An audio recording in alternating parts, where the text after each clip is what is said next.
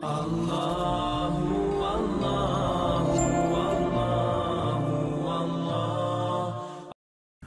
ke-18, kontrol pergaulanmu. 99,9 teman-teman sekalian rumah tangga rusak karena pergaulan. Penyebab utamanya ini. Ibu-ibu banyak teman sama temannya. Temannya ini suaminya lebih kaya ditarik ke retorika kehidupan itu di dalam sini suami kita cuma mampu memang belinya begini ranjang yang bisa dibeli 5 juta yang sana beli ranjang 150 juta nggak bisa ketemu kalau tarik itu ke sini bakal kacau semua gitu kan? Si laki-laki lihat istri suami istri temannya selalu uh, berpenampilan seperti A atau B atau C. Istrinya tidak seperti itu. Dia mau tarik itu ke sini, susah, nggak bisa. Mungkin mungkin memang fisiknya pasangan kita seperti ini. Makanya ada namanya gudul basar, turunkan pandangan.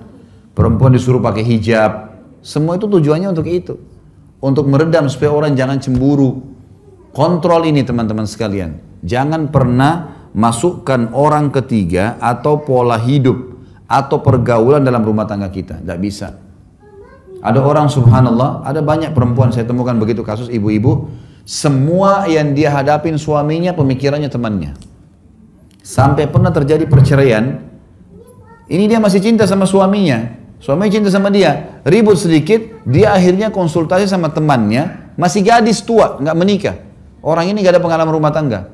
Diajak musyawarah sama dia. Kesimpulan terakhir, suruh cerai. Kau juga bisa hidup kok kayak saya, saya tidak ada suami tapi saya bahagia, saya bisa kerja, saya bisa begini. Ajukan perceraian, subhanallah. Gara-gara pergaulan tuh, bahaya sekali. Berapa banyak laki-laki begitu, ceraikan istrinya. Kadang-kadang bapak-bapak kalau lagi kumpul sama teman-teman, jangan terpengaruh dengan perkataan itu. Nih, yang pulang duluan nih berarti takut sama istrinya nih. Kuat-kuatan nunggu di situ sampai jam 12 sampai jam 1. Ngapain? Untuk apa? Pulang lebih enak sama istri, ngobrol bisa bercumbuan, bisa makan sama-sama. Ngapain dulu sama teman-teman habisin waktu tuh? Tapi ini pergaulan, bahayanya di situ. Dia akhirnya dipancing-pancing untuk itu. Gitu kan? Ini baru habis antar istri ke rumah sakit. Wah, suami yang tidak punya wibawa. Loh, kok bisa? Istri sakit. Uthman bin Affan itu tidak ikut berperang loh di perang Badar. Kenapa? Karena istrinya Ruqayyah sedang sakit. Anak Rasulullah SAW sampai Nabi bilang, jangan kau ikut Uthman urus istrimu. Justru istrinya urus. Betul anak Nabi SAW, tapi tidak dianggap aib. Tidak jadi jihad gara-gara istrinya sakit. Bukan aib itu. Kenapa harus kita merasa malu dengan mengantar istri, dengan menemani dan seterusnya?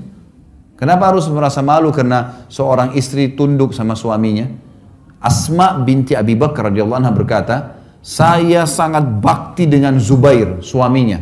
Sampai saya menyiapkan makanannya, minumannya, pakaiannya, air yang dia pakai, yang saya bawa dari jarak jauh, dari sumur. Zaman sekarang sudah tinggal buka keran selesai. Dulu Asma binti Abi Bakar ini memikul dengan punggungnya, bawa air untuk suaminya mandi. Dan saya mengurus anak-anaknya serta menggantikan sepatu kudanya. Jadi sangat luar biasa itu. Dan mereka tidak merasa aib dengan itu. Karena dia kejar ridhonya Allah di sini. Bagaimana memaksimalkan pasangan dalam masalah ini? Jadi kontrol pergaulan. Ingat, kata Nabi SAW, Al-maru adini khalili, seseorang sesuai dengan agama temannya. Hati-hati teman-teman sekalian. Kita bergaul dengan pengangguran, kita jadi pengangguran. Kita bergaul dengan pemabuk, kita jadi pemabuk. Saya kasih contoh gini, kalau saya bergaul dengan 10 orang perokok, saya tidak merokok. Hari pertama, hari kedua, kita akan Eh, terbiasa minimal dengan baunya. Seminggu mereka akan bilang coba aja sebatang. Sebulan kita akan merokok bersama mereka. Setahun bisa jual rokok. Gitu kan. Kita balik sekarang. Saya punya 10 orang teman penghafal Al-Quran. Saya nggak bisa ngaji. Bodoh sekali huruf biaya pun tidak tahu.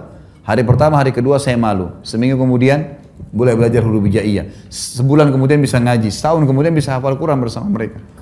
Hati-hati pergaulan. Bergaul sama orang rusak, rusak kita. Bergaul dengan orang baik maka baik kita.